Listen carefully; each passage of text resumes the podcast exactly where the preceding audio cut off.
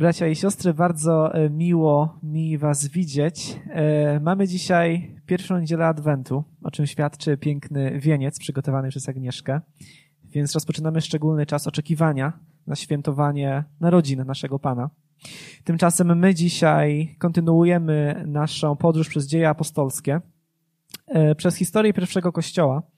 I w tym dzisiejszym fragmencie, który będziemy czytać, e, zobaczymy dwie historie osób, które pozostawały, można powiedzieć, gdzieś na obrzeżach całego ruchu, który Jezus rozpoczął, ale dzięki służbie apostoła Pawła i jego towarzyszy, te osoby zostały wciągnięte w sam środek tego wszystkiego, w samo centrum, można powiedzieć, żeby doświadczyć pełni tego zbawienia, które Jezus przyniósł.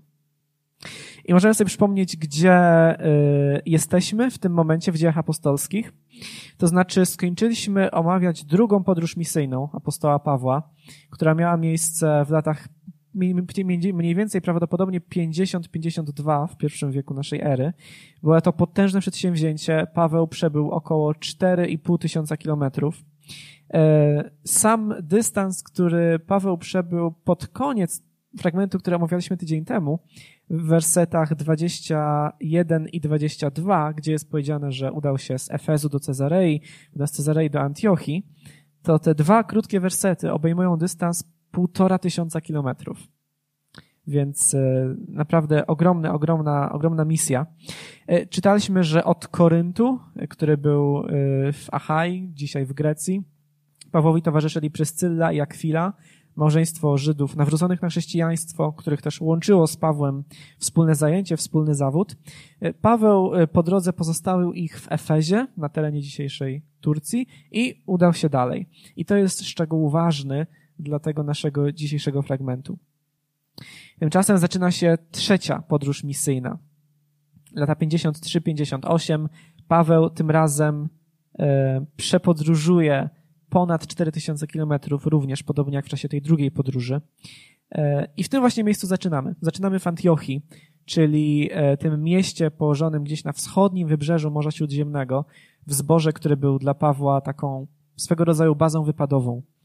Tak więc przeczytamy fragment z rozdziału 18, najpierw wersety 23 do 28, e, i później w dalszej części naszego rozważania przejdziemy do rozdziału 19 i przeczytamy wtedy wersety pierwszy do, do siódmego. W Antiochii Paweł spędził jakiś czas, potem jednak wyprawił się stamtąd i przemierzał kolejno Galację i Frygię. Po drodze utwierdzał wszystkich napotkanych uczniów. Tymczasem do Efezu przybył pewien Żyd, miał na imię Apollos i pochodził z Aleksandrii. Był człowiekiem wymownym oraz biegłym w pismach Obeznany był też z drogą Pana i z żarem z głębi ducha przemawiał i dobrze uczył o tym, co dotyczyło Jezusa. Wiedział jednak tylko o chrzcie Jana. Zaczął on otwarcie i odważnie przemawiać w synagodze. Gdy Pryska i Akwila go usłyszeli, zajęli się nim i wyłożyli mu dokładniej drogę Bożą. A kiedy zapragnął przenieść się do Achai, bracia zachęcili go do tego, a także napisali do uczniów, aby go przyjęli. Na miejscu okazało się, że był bardzo pomocny dla tych, którzy dzięki łasce uwierzyli. Potrafił bowiem skutecznie obalać twierdzenia Żydów, wykazując publicznie, na podstawie pism, że Jezus jest Chrystusem.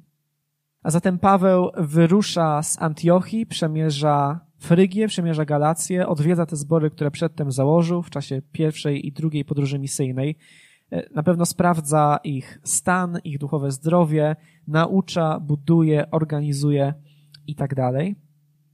I w końcu Paweł zbliża się do Efezu, ale zanim tam dociera, to mamy notatkę właśnie o tym Apollosie, który nam się tutaj pojawia. Apollos to jest postać znana później z pierwszego listu do Koryntian. Jeżeli troszeczkę kojarzymy e, to, co jest napisane w pozostałej części Nowego Testamentu, możemy sobie przypomnieć, że w pierwszym liście do Koryntian był taki problem, że w zborze w Koryncie doszło do podziałów i niektórzy bardziej odwoływali się do Pawła, inni do Piotra, a jeszcze inni właśnie do Apollosa. I czytamy o Apollosie, który w tym momencie pojawia się na scenie i przybywa do Efezu. Kilka rzeczy. Po pierwsze, czytamy, że on pochodzi z Aleksandrii. Aleksandria to było drugie największe miasto w Imperium Rzymskim. potężny, potężny ośrodek miejski. E, była tam też potężna diaspora żydowska, czyli wspólnota Żydów mieszkających poza granicami e, Palestyny.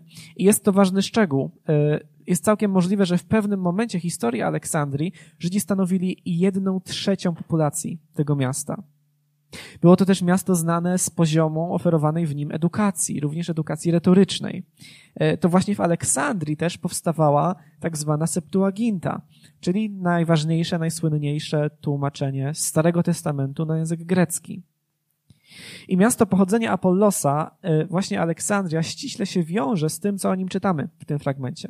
Znaczy, widzimy, że on po raz pierwszy, e, po pierwsze jest człowiekiem wymownym, jest świetnym mówcą, kimś, kogo moglibyśmy nazwać retorem. To znaczy, on umiał konstruować przekonujące argumenty, umiał pociągać za sobą ludzi tym, co mówił. Po drugie, czytamy, że był biegły w pismach, czyli dobrze znał Stary Testament. Te pisma właśnie odnosiły się do, do pism Starego Testamentu. I trzecia rzecz, jaką czytamy, która jest tutaj szczególnie ciekawa, jest taka, że był obeznany z drogą Pana. To sformułowanie droga Pana było określeniem chrześcijaństwa było określeniem nauk i sposobu życia, który przekazał Jezus. Po raz pierwszy ono się pojawia w dziewiątym rozdziale dzieł apostolskich. Więc drogą Pana szli ci, którzy przyjęli Jego słowo, przyjęli słowo Jezusa i zgodnie z tym słowem żyli. I czytamy, że Apollos z żarem, z głębi ducha przemawiał i dobrze albo trafnie uczył o tym, co dotyczyło Jezusa. I skoro tak, no to najwyraźniej musiał znać nauczanie Jezusa musiał e, uznawać go za Mesjasza. I najwyraźniej też, skoro minęło 20 lat od śmierci Jezusa, no to Apollos musiał e, wiedzieć o tym, że Jezus zmarł na rzymskim krzyżu i musiał też wierzyć w to, że jego śmierć nie była porażką, nie była wypadkiem w Bożym planie, e, ale była ofiarą za nasze grzechy. Musiał wierzyć w to, że Jezus zmartwychwstał. Skoro Łukasz, autor dziejów apostolskich, mówi, że Apollos dobrze uczył tego, co dotyczyło Jezusa. Więc Apollos był człowiekiem nawróconym. I co więcej, niektórzy bibliści też twierdzą, że był napełniony Duchem Świętym. Patrzą na tę frazę, że przemawiał z głębi ducha i odnoszą ją właśnie do Ducha Świętego. Dlatego, że w Grece wtedy nie było dużych i małych liter i często z kontekstu trzeba się domyślać, czy autorzy piszą o ludzkim duchu, czy o Duchu Świętym. A jednak w tym wszystkim, pomimo jego wykształcenia, jego umiejętności, jego obeznania z chrześcijaństwa z naukami Jezusa, czytamy rzecz zaskakującą. Czytamy, że Apollos wiedział tylko o chrzcie Jana. O co tutaj chodzi? Możemy sobie przypomnieć, że zanim jeszcze Jezus rozpoczął swoją publiczną służbę, to na scenie pojawił się człowiek, który miał go poprzedzić, który miał przygotować mu drogę. Jan Chrzciciel. Jan głosił, że zbliża się Królestwo Boże i w związku z tym ludzie, również Żydzi, czy nawet przede wszystkim Żydzi, muszą się do niego przygotować. Muszą się opamiętać, dlatego że w tym królestwie znajdą się tylko ludzie, którzy się opamiętają, którzy wyrażą żal z powodu swoich grzechów i którzy powrócą do Boga, żeby rozpocząć z nim nowe życie. I wyrazem tej decyzji o opamiętaniu był właśnie chrzest. Wygląda na to, że Apollos taki właśnie chrzest przyjął. I nie wiadomo do końca, jak się potoczyła jego historia. Może było tak, że e, przy okazji któregoś z żydowskich świąt Apollos udał się do Judei, gdzie zarówno przyjął chrzest z rąk Jana, jak i być może miał też okazję słuchać nauczania samego Jezusa. I uwierzył, że ten Jezus jest Mesjaszem. I później, kiedy wrócił do Aleksandrii, to już ktoś inny dopowiedział mu koniec tej historii o tym, że Jezus umarł i zmartwychwstał. No i potem Apollos mógł zacząć tę historię rozgłaszać. Najpierw w Aleksandrii, a później na przykład, co widzimy tutaj w Efezie. Być może wyglądało to tak, być może troszeczkę inaczej, ale najwyraźniej Apollos w tym miejscu, w którym był, w którym jest teraz w Efezie, nie ma do końca aktualnych informacji. Znaczy, jego wiedza na temat tego, co się wydarzyło po śmierci Jezusa, jest niepełna. Nie wiedział na przykład, że w Jerozolimie zrodził się Kościół, czyli wspólnota, zorganizowana wspólnota uczniów Jezusa, która udzielała chrztu ustanowionego przez samego Jezusa. Chrztu w imię Ojca i Syna i Ducha Świętego. Więc Apollos był kimś w rodzaju takiego samorodnego misjonarza. Był człowiekiem nawróconym, wierzącym w Ewangelię, oddanym Bogu, używanym przez Niego, choć jeszcze nie był włączony w tę widzialną wspólnotę Kościoła. I co czytamy? Czytamy, że Apollos w Efezie zaczyna przemawiać otwarcie, odważnie w synagodze. I słyszą go właśnie Pryscylla jak chwila. Paweł już rozprawiał przedtem w synagodze w Efezie. Czytaliśmy o tym w poprzednich fragmentach. Żydzi w Efezie, w tej synagodze byli zainteresowani tym, co miał do powiedzenia, więc nauczanie Apollosa musiało padać na e, podatny grunt.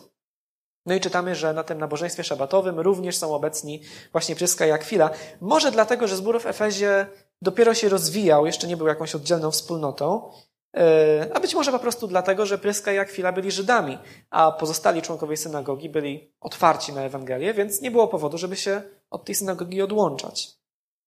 W każdym razie słyszą nauczania Apollosa, są pewnie pod wielkim wrażeniem tego, co słyszą. No, czytamy o jego wymowności, o jego wykształceniu, o jego znajomości pism i tak dalej, ale też muszą się na pewno mocno dziwić. To znaczy, skąd się właściwie wziął ten nowy ewangelista. I zaraz, zaraz, coś chyba tutaj do końca nie gra. To znaczy, mówi o Jezusie i mówi o nim dobrze, ale zdaje się, jakby nie do końca rozumiał, nie do końca zdawał sobie sprawę, z tego, że człowiek, który uwierzy w Jezusa, powinien potem podjąć jakieś następne kroki. Tak jakby zupełnie nie zdawał sobie sprawy z tego, że ten Jezus, o którym mówi, założył konkretną wspólnotę swoich uczniów. I Pryska i Akwila robią coś pięknego. Nie zostawiają go samemu sobie. Nie wychodzą z założenia, że no, człowiek coś tam mówi o Jezusie, ale jakiś taki dziwny, więc nie będziemy z nim współpracować, bo to tylko więcej zamieszania niż korzyści. Nie, oni raczej sami podejmują inicjatywę, kiedy widzą potrzebę, żeby kogoś poprowadzić. Czytamy, że zajmują się nim. I prawdopodobnie to nie oznacza tylko tego, że gdzieś tam po nabożeństwie wzięli go na bok i mu wytłumaczyli dwie czy trzy kwestie, ale to pewnie oznacza, że oni zaprosili go do swojego domu, okazali mu gościnność, okazali mu miłość, otworzyli przed nim swoje życie, zajęli się nim, poprowadzili go, nawiązują z nim relacje. I zwróćmy uwagę, Pryscylla i Akwila nie są przywódcami w kościele. Z całą pewnością przywódcą czy przywódczynią w kościele nie jest Prescylla, choć jest wymieniona na pierwszym miejscu w prawie każdym fragmencie, w którym to małżeństwo się pojawia, co oznacza, że miała bardzo istotny udział w całej tej służbie, również w prowadzeniu Apollosa. Ale z pewnością w kościele nie sprawowała żadnej funkcji przywódczej, a jednak widzi, yy, widzi swoją odpowiedzialność, swoją i swojego męża w tym, aby Apollosa poprowadzić. I myślę, że jest to dla nas piękny wzór. Możemy sobie zadawać pytanie, czy my sami dzisiaj w kościele, mając o wiele większy komfort niż Pryscylla i Akwila, bo mamy zbór, w którym, razem z którym możemy służyć, ale czy my sami też dostrzegamy swoją odpowiedzialność, żeby wychodzić z inicjatywą i zajmować się innymi? Z całą pewnością jesteśmy powołani do tego, żeby troszczyć się o innych. I czasem wystarczy się tylko rozejrzeć. Może wokół nas jest ktoś młody w Chrystusie, kim mógłbym się zająć, może ktoś, kogo mógłbym zaprosić na obiad i pogadać. A może mógłbym się zaangażować w prowadzenie grupy biblijnej, o czym Sławek już wspominał dzisiaj, to znaczy o grupach i o tym, jak są potrzebne. Takiej grupy, na której wszyscy by się mogli duchowo rozwijać. Myślę, że to są pytania, na które każdy z nas powinien sobie odpowiadać. Nie wychodząc z założenia, że są jacyś ludzie, którzy wszystkim się zajmą, ale raczej czy ja widzę potrzeby, które mógłbym zaspokoić, nawet jeżeli nie muszę. Natomiast z drugiej strony myślę, że wzorem też powinna być dla nas pokora Apollosa w tym wszystkim. Był wykształcony, dużo wiedział o Jezusie, Bóg już go używał.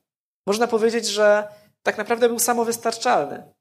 Ale kiedy okazuje się, że dużo jeszcze nie wie, że Pryscylla i Akwila muszą go pokierować do głębszego zrozumienia prawdy o Jezusie, to on też z tego chętnie korzysta.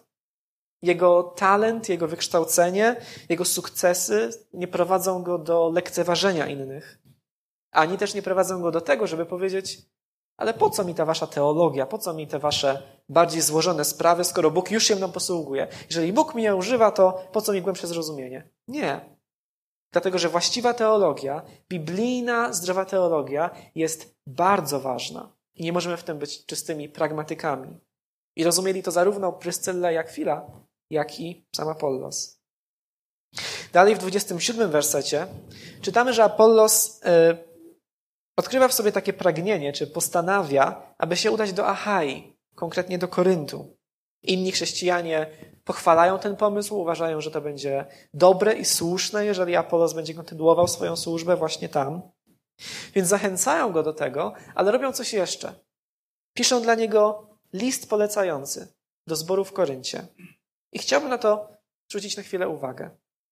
W pierwszym wieku, kiedy Kościół się dopiero rozwijał, w tym kościele, który, który, o którym czytamy w dziejach apostolskich i w ogóle na kartach Nowego Testamentu, w kościele w pierwszym wieku nie było żadnej ponadzborowej struktury. Nie było jakiejś międzykościelnej instytucji, która by nadzorowała wszystko i kierowała wszystkim. Poszczególne zbory były niezależne od siebie organizacyjnie. Ale jednocześnie możemy zauważyć, że łączyły je więzi, że one rozpoznawały siebie nawzajem jako siostrzane wspólnoty.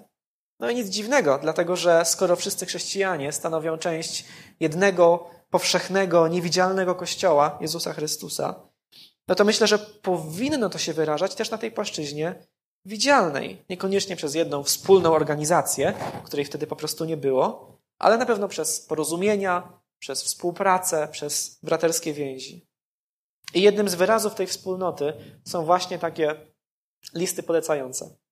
Kiedy przenosimy się ze zboru do zboru, przez przeprowadzkę z jednego miasta do drugiego albo z jakiegokolwiek innego powodu, to myślę, że jest piękną praktyką to, kiedy czy pastor, czy starsi, czy zbór jako całość tej poprzedniej wspólnoty piszą list do tej nowej, do której się przenosimy, w którym poświadczają, że przyjęliśmy chrzest wtedy i wtedy, że byliśmy oddanymi członkami tej wspólnoty i tak dalej, i tak dalej. Nie jest to oczywiście jakiś absolutny wymóg, ale uważam, że co do zasady przenosiny z jednego zboru do drugiego nie powinny polegać na tym, że po cichu się wymykam z tego poprzedniego miejsca mm, albo palę za sobą mosty, żeby pojawić się w nowym miejscu i udawać, że wszystko jest w porządku. W myśl zasady nowy zbór, nowy ja. Nie, myślę, że powinniśmy podkreślać to, że Kościół jest jednym. Nawet jeżeli nie organizacyjnie, to relacyjnie. I powinno to się wyrażać też w tym, jak wyglądają nasze przenosiny z jednego zboru do drugiego. Tymczasem nasz bohater Apollos przenosi się do Achai, gdzie, jak czytamy, okazuje się być bardzo pomocny tym, którzy dzięki łasce uwierzyli. 28 werset. Potrafił bowiem skutecznie obalać twierdzenia Żydów, wykazując publicznie na podstawie pism, że Jezus jest Chrystusem. I myślę, że z tych słów możemy wyciągnąć bardzo ważne wnioski na temat praktykowania apologetyki. Apologetyka to jest ta dziedzina teologii, która zajmuje się obroną wiary chrześcijańskiej i uzasadnianiem prawdziwości wiary chrześcijańskiej. Więc po pierwsze w tym fragmencie widzimy, że to, co jest zupełnie podstawowe, i myślę, że w wielu fragmentach już to widzieliśmy, do nawrócenia potrzebna jest przede wszystkim Boża łaska. Jest powiedziane, że Apollos pomagał tym, którzy dzięki łasce uwierzyli. A to oznacza, że nie da się po prostu przekonać kogoś do wiary w Chrystusa. Dlatego, że nawrócenie nie jest czymś, co ma miejsce po prostu w umyśle, ale też i nawet przede wszystkim jest czymś, co ma miejsce w sercu. A ludzkie serce jest grzeszne. Ludzkie serce jest zbuntowane przeciwko Bogu. I aby zechciało do Boga powrócić, to Duch Święty musi najpierw przemienić to serce i umieścić w nim pragnienie przyjęcia zbawienia. Pięknym przykładem tego była na przykład, przykładem na przykład Lidia, którą widzieliśmy w szesnastym rozdziale dzieł apostolskich w Filippi. Czytamy, że Paweł głosi Ewangelię jakimś kobietom, które gromadziły się na modlitwie nad rzeką. I czytamy, że Pan otworzył serce Lidii tak, że skłaniała się ku temu, co Paweł mówił. Zwróćcie uwagę na kolejność. Pan otwiera serce i efekt tego jest taki, że Lidia zwraca się ku Ewangelii. Więc łaska jest niezbędna. Łaska musi być pierwsza. Ale z drugiej strony, aby też zachować w tym równowagę i takie, takie, takie biblijne zrozumienie, widzimy, że są też potrzebne, użyteczne, konkretne argumenty. Apollos pomaga tym, którzy dzięki łasce uwierzyli, ale pomaga im w jaki sposób? Że publicznie zwalcza twierdzenia Żydów, wykazując na podstawie pism, że Jezus jest Mesjaszem. Innymi słowy, argumenty również są dobre i potrzebne. One pokazują, że wiara chrześcijańska jest racjonalna, ale też burzą intelektualne przeszkody, które mogą stać na czyjejś drodze do przyjęcia Ewangelii. Dwa jeszcze myśli, dwie jeszcze myśli na temat apologetyki z tego fragmentu. Krótkie. Pierwsza jest taka, że najwyraźniej, według tego, co twierdzi Łukasz, e, pokazując służbę Apollosa, da się wykazać na podstawie Starego Testamentu, że Jezus z Nazaretu rzeczywiście jest obiecanym Mesjaszem. I to zresztą był, był, była główna linia e, uzasadniania chrześcijaństwa w I wieku.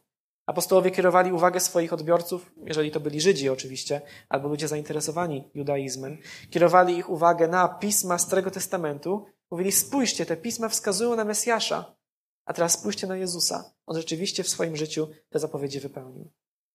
I ostatnia myśl jest taka, że apologetyka, obrona wiary, my często myślimy, że ona służy przede wszystkim do nawracania niewierzących, do przekonywania niewierzących. I okej, okay, jest to częściowo prawda, ale tutaj widzimy, że to, co robi Apollos, pomaga tym, którzy uwierzyli. Dlatego, że apologetyka służy nie tylko do debatowania z niewierzącymi, ale też do budowania wiary wierzących, których pewność dotycząca tego, co przyjęli, stopniowo staje się coraz większa dzięki temu, czego się uczą. Możemy przejść dalej do rozdziału 19, wersety 1 do 7. Sytuacja, z którą tutaj będziemy mieli do czynienia, jest troszeczkę podobna do sytuacji Apollosa, ale też troszeczkę inna. Więc przeczytajmy. 19 rozdział, wersety 1 do 7. Właśnie gdy Apollos przebywał w Koryncie, Paweł przeszedł obszary wyżynne i przybył do Efezu. Tam spotkał jakichś uczniów i zapytał, czy otrzymaliście Ducha Świętego, gdy uwierzyliście? A oni mu na to, nawet nie słyszeliśmy, że jest Duch Święty. Zapytał więc, w jakim zatem chrzcie zostaliście zanurzeni? Odpowiedzieli, w chrzcie Jana. Wtedy Paweł wyjaśnił, Jan zanurzał w chrzcie opamiętania i powtarzał ludowi, że ma uwierzyć w tego, który idzie za nim, to jest w Jezusa. Gdy to usłyszeli, przyjęli chrzest w imię Pana Jezusa. A kiedy Paweł włożył na nich ręce, zstąpił na nich Duch Święty. Mówili też językami i prorokowali.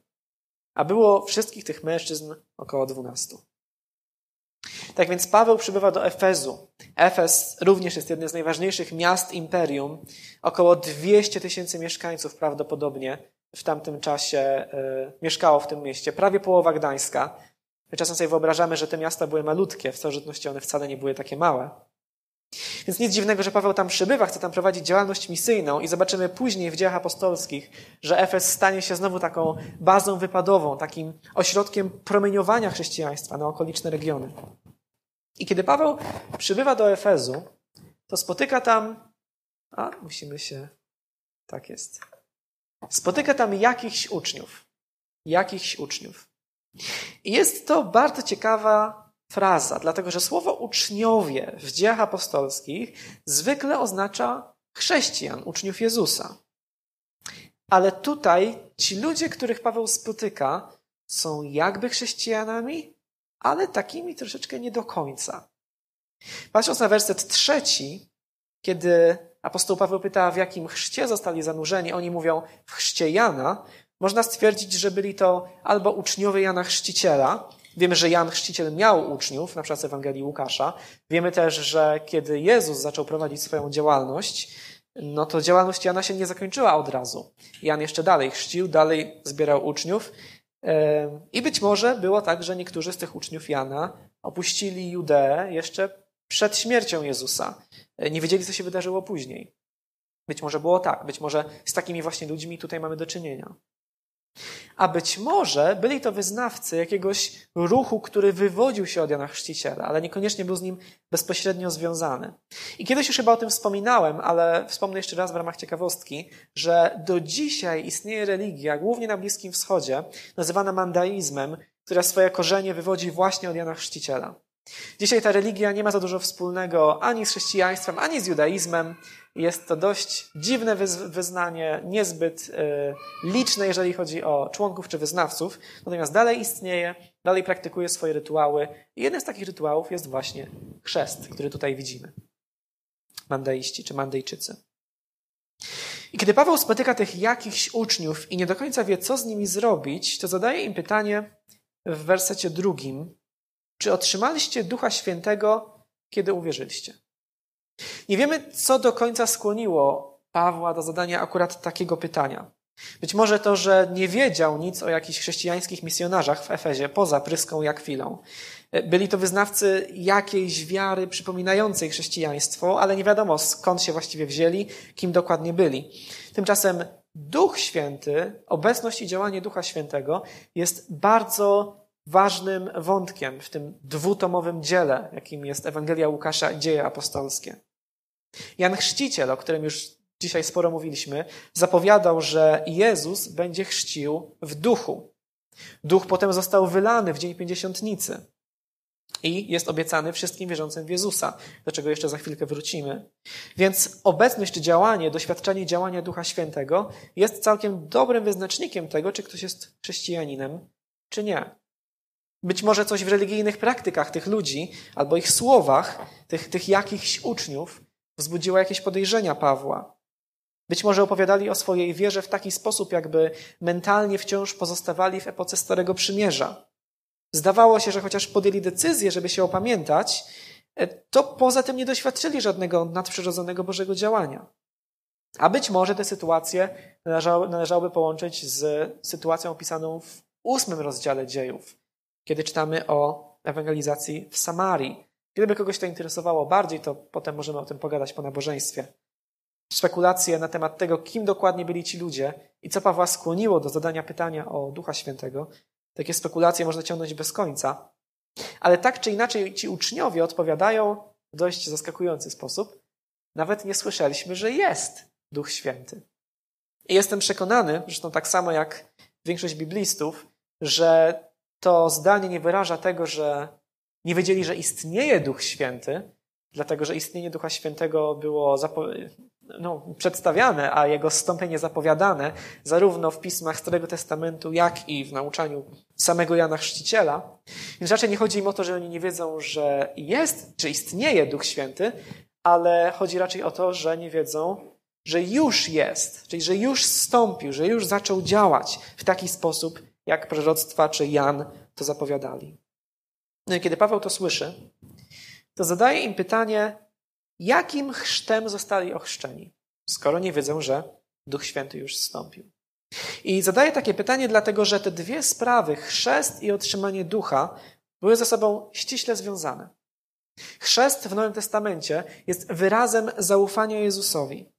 Tak samo jak para młoda po złożeniu przysięgi małżeńskiej zakłada sobie obrączki, tak w pierwszym kościele człowiek, który powierzył swoje życie Bogu, przyjmował chrzest, aby przypieczętować zmianę, która dokonała się w jego życiu.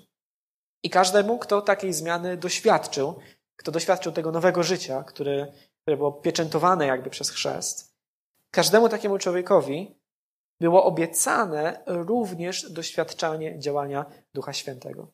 Tak jak apostoł Piotr w Dzień Pięćdziesiątnicy zapowiedział, opamiętajcie się i niech każdy z was da się ochrzcić w imię Jezusa Chrystusa dla odpuszczenia waszych grzechów, a otrzymacie dar Ducha Świętego.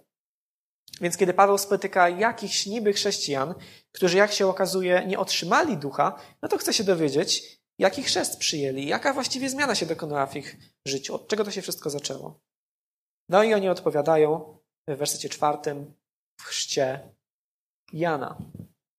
No i wszystko jasne. Okazuje się, że ci jacyś uczniowie, tak samo jak Apollos przed chwilą, tak samo oni, przyjęli tylko chrzest Jana. Chrzest, który był wyrazem opamiętania, który był wyrazem nawrócenia. I tak samo jak Pryscylla i Akwila z Apollosem, tak teraz Paweł nie odwraca się od nich, nie wychodzi z założenia, że nie, nie, to oni są jacyś dziwni, oni wierzą inaczej niż ja, to zostawię ich samymi sobie, ale stara się poprowadzić ich do głębszego zrozumienia. I z tego, co Paweł mówi, zdaje się, że ci jacyś uczniowie, inaczej niż Apollos, w ogóle jeszcze nie wierzyli w Jezusa. W ogóle nie byli świadomi tego, że służba Jana miała być wprowadzeniem do czegoś ważniejszego, do czegoś większego. Więc Paweł zaczyna w miejscu, co do którego wszyscy mogą się zgodzić, zaczyna właśnie przy chrzcie Jana i mówi, jeżeli przyjęliście to, to powinniście też przyjąć to, to znaczy Ewangelię i chrzest, który jest wyrazem wiary w Ewangelię. Dlatego, że jedno logicznie prowadzi do drugiego. I znowu myślę, że ta sytuacja jest wzorem dla nas. To znaczy, myślę, że kiedy rozmawiamy z kimś, kto jeszcze nie wierzy w Jezusa, to powinniśmy szukać tych punktów, w których nasz światopogląd, nasze spojrzenie, nasza wiara styka się czy zgadza się z przekonaniami, światopoglądem tej drugiej osoby. I zaczynając od tych właśnie miejsc wspólnych, możemy potem prowadzić naszego rozmówcę I próbować kierować jego wzrok na to, że słuchaj, przyznaję ci rację w tym miejscu, jasne, patrzymy tak samo, ale jeżeli wierzysz w to, no to powinno to cię doprowadzić do przyjęcia tego i tego. Na przykład, jeżeli rozmawiamy z kimś, kto wierzy w zbawienie z dobrych uczynków, no to możemy powiedzieć: Słuchaj, wierzymy w Boga, który jest dobry, który jest sprawiedliwy, który jest święty, który będzie sądził świat. Świetnie. Ale jeżeli w to wierzysz, jeżeli coś takiego wyznajesz, no to powinieneś też uznać, że my sami nie mamy szans na zbawienie z naszych dobrych uczynków, bo przecież Bóg, który jest dobry i święty, przewyższa nas pod każdym względem. Więc jeżeli będzie nas sądził sprawiedliwie, no to gdzie tutaj nadzieja na zbawienie? Więc albo nie mamy żadnej nadziei, albo jest tylko jedna nadzieja, którą jest wiara w Jezusa. Albo jeżeli rozmawiamy z kimś, kto na przykład wkłada ogromną pasję w walkę o prawa człowieka na całym świecie, jakkolwiek rozumiane, ale uważa wszelką religijność, wszelką duchowość za zacofanie, ciemnogród i tak dalej, to możemy powiedzieć, cóż, jeżeli uważa, że istnieją jakieś uniwersalne prawa, prawa człowieka, że na przykład społeczeństwa, które źle traktują kobiety, postępują źle zawsze i kropka, niezależnie od tego, jak stara jest w tych społeczeństwach tradycja dyskryminowania kobiet, no to fantastycznie, zgadzamy się co do tego, ale jeżeli w to wierzysz, to powinieneś być w stanie wskazać jakieś źródło tych praw człowieka i w ogóle praw moralnych. I ja uważam, że tak naprawdę jedynym dobrym wytłumaczeniem tego, że istnieją prawa człowieka, że jesteśmy istotami moralnymi, jest to, że istnieje Bóg, który stworzył nas na swój obraz. I tak dalej, i tak dalej. Zaczynamy w miejscu, w którym możemy się zgodzić i próbujemy logicznie wyprowadzić z tego to, że człowiek powinien uwierzyć w Ewangelię. Tak właśnie robi Paweł. No i skutek tego jest taki, że uczniowie Jana, słysząc o Jezusie, przyjmują Ewangelię. I Paweł im udziela chrztu chrześcijańskiego. Po polsku to nie brzmi zbyt dobrze, po angielsku nieco lepiej Christian baptism, a po polsku chrzest chrześcijański. Brzmi to jak masło maślane. Ale jest on jednak czymś więcej niż chrzest Jana. Chrzest Jana był rytualnym obmyciem, które wskazywało na to, że człowiek chrzczony chce porzucić swój stary, grzeszny sposób życia, chce przyjąć Boże przebaczenie i od tej pory prowadzić nowe życie, życie zgodne z Bożymi przykazaniami. I chrzest chrześcijański, chrzest, który potem ustanowił Jezus w imię Ojca, Syna i Ducha Świętego, jest czymś podobnym, to znaczy również symbolizuje te przemiany życia, ale jest też czymś o wiele głębszym. Jego znaczenie jest o wiele głębsze. Dlatego, że chrzest nakazany przez Jezusa nie tylko wskazuje na moją decyzję o opamiętaniu, ale przede wszystkim wskazuje na Boże działanie. Na to, że sam Bóg wyszedł z inicjatywą, aby mnie uratować. Aby mnie uratować, posłał na świat swojego syna. Ten syn umarł na krzyżu, ponosząc karę za moje grzechy, został pogrzebany i zmartwychwstał. I dzięki temu ja mogę rozpocząć nowe życie. Więc przyjmując chrzest w imię Ojca, Syna i Ducha Świętego, ja tak jakby jednoczę się z tym, co Chrystus dla mnie zrobił. Utożsamiam się z tym. I oczywiście musimy postawić sprawę jasno. Jeżeli nie mamy wiary, przystępując do tego chrztu, no to on nam w niczym nie pomoże, nie zbawi nas. Ale jeżeli zaufałem Jezusowi, to ten chrzest jest dla mnie pieczęcią i znakiem. Jest jakby potwierdzeniem tego, że tak, rzeczywiście mam nowe życie, rzeczywiście otrzymałem przebaczenie. I wiecie, patrząc na to, co tutaj robi Paweł, można by sobie zadać pytanie, no po co to komu? To znaczy, oni już przyjęli jakiś chrzest, już, dasz, już, już raz się dali zmoczyć, no to po co jakiś chrzest numer dwa? A jednak dla Pawła było ważne to, aby każdy, kto uwierzy w Jezusa, został ochrzczony właśnie zgodnie z jego nakazem. I czasem też nam dzisiaj zadaje się pytanie, po co wy chrzcicie ludzi dorosłych drugi raz, skoro już zostali kiedyś ochrzczeni jako niemowlęta? Po co to powtarzać? Ta nasza praktyka rzeczywiście budzi często dość duże zainteresowanie, rzuca się w oczy, też odróżniała od reszty społeczeństwa pierwszych baptystów. Zresztą samo słowo baptyści oznacza po prostu chrzciciele albo chrzczący. I na takie pytanie odpowiadamy, nie, nie, my nie chrzcimy tych ludzi drugi raz, my chrzcimy ich pierwszy raz. Dlatego, że to, co się liczy, to nie jest jakikolwiek chrzest, jakikolwiek obrzęd, w którym była użyta woda, ale taki chrzest, na który człowiek sam się decyduje, który świadomie wybiera i który ma być wyrazem jego wiary w Jezusa, dlatego że to właśnie ta osobista wiara w Jezusa jest tym wszystkim najważniejsza. No i później po chrzcie widzimy, że apostoł Paweł wkłada na nich ręce w geście błogosławieństwa. I wtedy stępuje na nich Duch Święty, zaczynają mówić językami i prorokować. Ciekawa rzecz.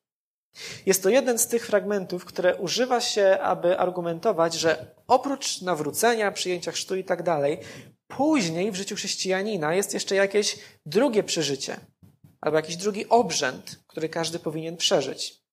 Z jednej strony, na przykład, jeżeli mówimy o kościele rzymskim albo kościołach prawosławnych, to mówi się tam o tak zwanym bierzmowaniu. To znaczy, pomimo tego, że człowiek został ochrzczony wcześniej, na przykład jako niemowlę, teraz otrzymuje sakrament dojrzałości chrześcijańskiej i dopiero teraz otrzymuje wszystkie potrzebne dary Ducha Świętego i tak dalej przez włożenie rąk biskupa.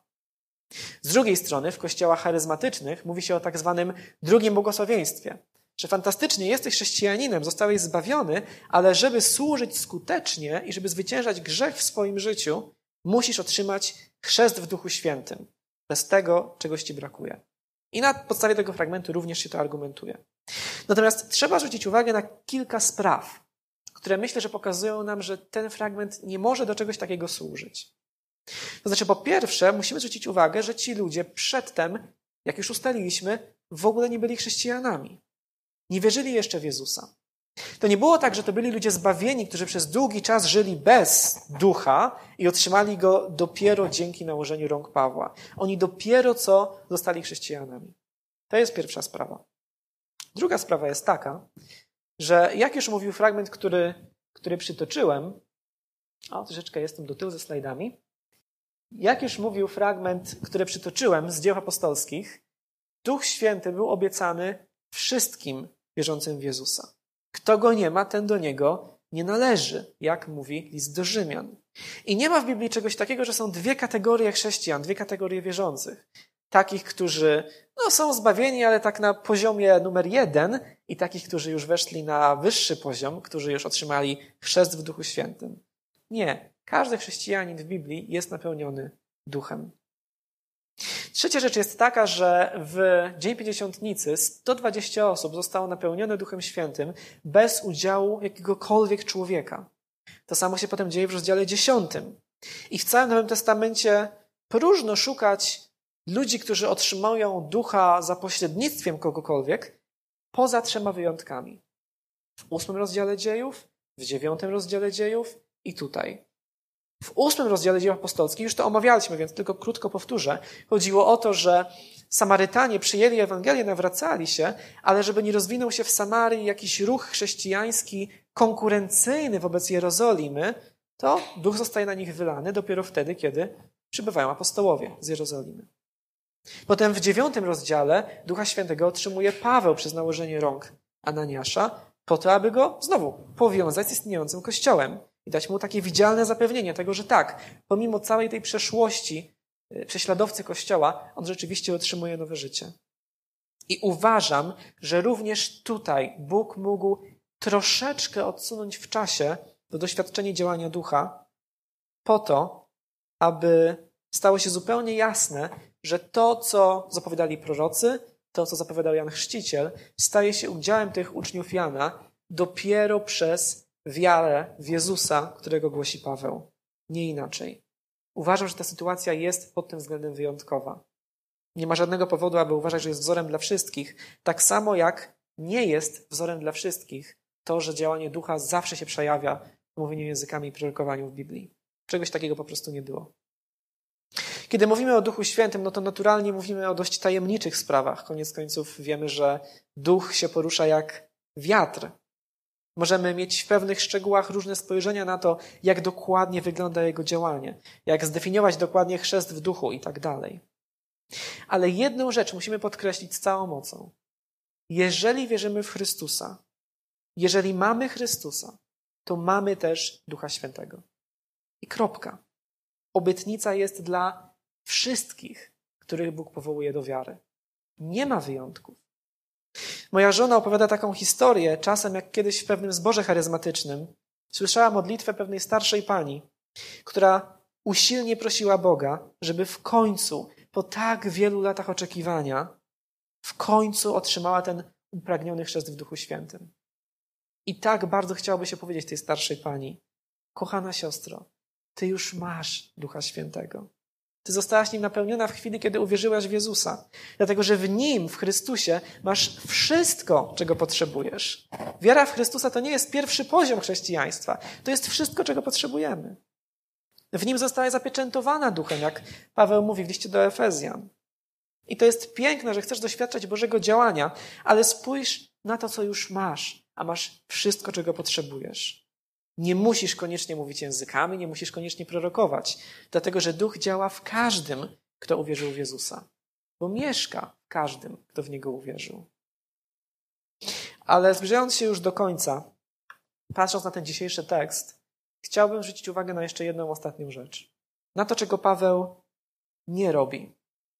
Paweł, kiedy spotyka tych jakichś uczniów, to nie mówi, aha, no w porządku, to ja wierzę troszeczkę inaczej niż wy, ja, ale okej, okay, ja mam swoją drogę, wy macie swoją drogę, niech każdy idzie w swoją stronę. Te różnice nie są aż takie wielkie. Apostoł Paweł tego nie mówi. Apostoł Paweł nie mógłby stwierdzić, że każda droga jest tak samo dobra, dlatego że Jezus Chrystus, o którym mówił, którego zapowiadał Jan Chrzciciel, duchowy mistrz tych ludzi w Efezie, Jezus Chrystus sam nazywał się drogą, prawdą i życiem. Jezus twierdził, że nikt nie przychodzi do Ojca w niebie inaczej, jak tylko przez Niego, przez Jezusa. Bóg, który przez całe wieki na różne sposoby przemawiał do ludzi, objawiał się ludziom, ostatecznie przemówił do ludzi w osobie swojego Syna. I dzisiaj omawialiśmy dużo kwestii teologicznych, może to było pewne wyzwanie dla kogoś, kto dopiero zaczyna czytać Biblię, ale gdybyśmy chcieli spojrzeć na chrześcijaństwo, takie, jakie mi opisuje Biblia, takie, jakie było na początku, i gdybyśmy chcieli podsumować to, o co w nim tak zasadniczo chodzi, jaka jest istota, jakie jest sedno tego wszystkiego, o czym mówimy, to można by to sformułować tak. Każdy człowiek, który żyje na świecie, ponieważ jest grzeszny, ponieważ jest moralnie zepsuty, stanie przed Bożym Sądem i usłyszy wyrok potępienia. I nie było i nie ma nigdzie na świecie żadnego dobrego człowieka w pełnym tego słowa znaczeniu. Każdemu grozi marny koniec. Ale Bóg, ponieważ jest nie tylko sprawiedliwy, ale także łaskawy, zapewnił nam drogę ratunku. I tą drogą jest Jego Syn, Jezus Chrystus, który stał się człowiekiem, co będziemy niedługo świętować, i umarł na krzyżu za wszystkich, którzy za nim pójdą. Poniósł karę za nasze grzechy. Jego spotkało to, co powinno spotkać nas. I dlatego teraz każdy, kto do niego przyjdzie z żalem i z zaufaniem, prosząc o przebaczenie, o nowe życie, otrzyma je. Otrzyma życie wieczne. Zupełnie za darmo. I myślę, że to jest absolutne sedno tego wszystkiego. Bez Chrystusa nie mamy nic, ale w Chrystusie mamy wszystko, czego potrzebujemy.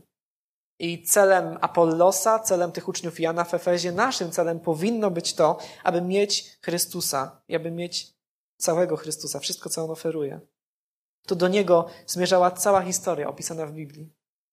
I jeżeli próbujemy przedstawić chrześcijaństwo nieco inaczej, zmodyfikować je, dopasować je do oczekiwań współczesnej kultury, i jeżeli chcemy przedstawić je jako po prostu jedną z wielu dróg, tak samo dobrych, to nie przekształcamy chrześcijaństwa w coś lepszego. My po prostu tracimy chrześcijaństwo. Dlatego, że światopogląd i prawda na temat Boga to nie jest dziedzina, w której możemy przebierać jak na rynku albo w supermarkecie, wybierając swój ulubiony smak albo kolor. My nie decydujemy o tym, jaka jest prawda. My odkrywamy prawdę.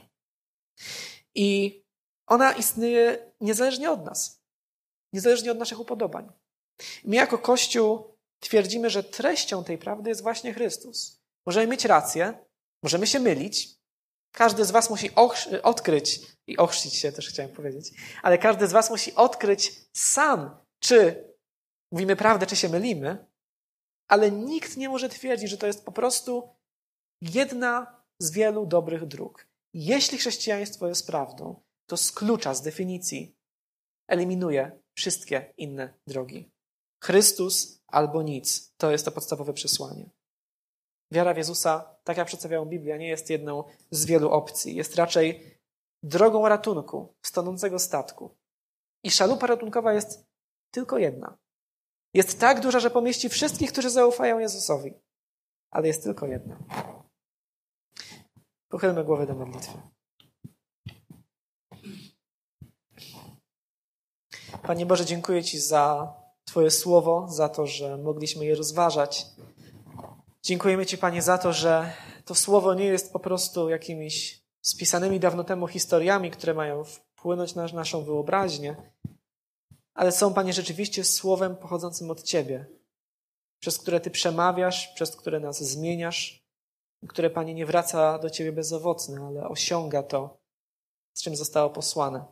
I prosimy Cię, Panie, aby to słowo dzisiaj w nas to właśnie osiągnęło. Aby, Panie, to, co czytaliśmy i omawialiśmy, wzbudzało w nas wiarę, zaufanie i wdzięczność za to, że w Chrystusie mamy wszystko. Mamy zbawienie, mamy nowe życie, mamy pełnię Ducha Świętego, mamy wszystko, czego potrzebujemy. Ale też, Panie, proszę Cię i błagam Cię, jeżeli są tutaj osoby, albo jeżeli słuchają nas osoby, które jeszcze nie zaufały Chrystusowi, które jeszcze nie wsiadły do tej jedynej szalupy ratunkowej, Panie, nie pozwól im utonąć, ale wstrząśnij ich sumieniem, otwórz ich oczy na piękno Ewangelii i spraw, aby zapragnęli pójść za tym, co przekazujemy i czym się dzielimy. Przede wszystkim za tym, co Ty sam, Panie, mówisz. Prosimy Cię, abyś Ty odbierał sobie chwałę w swoim Kościele i dzisiaj i przez całe wieki. Modlimy się o to w imię Jezusa. Amen.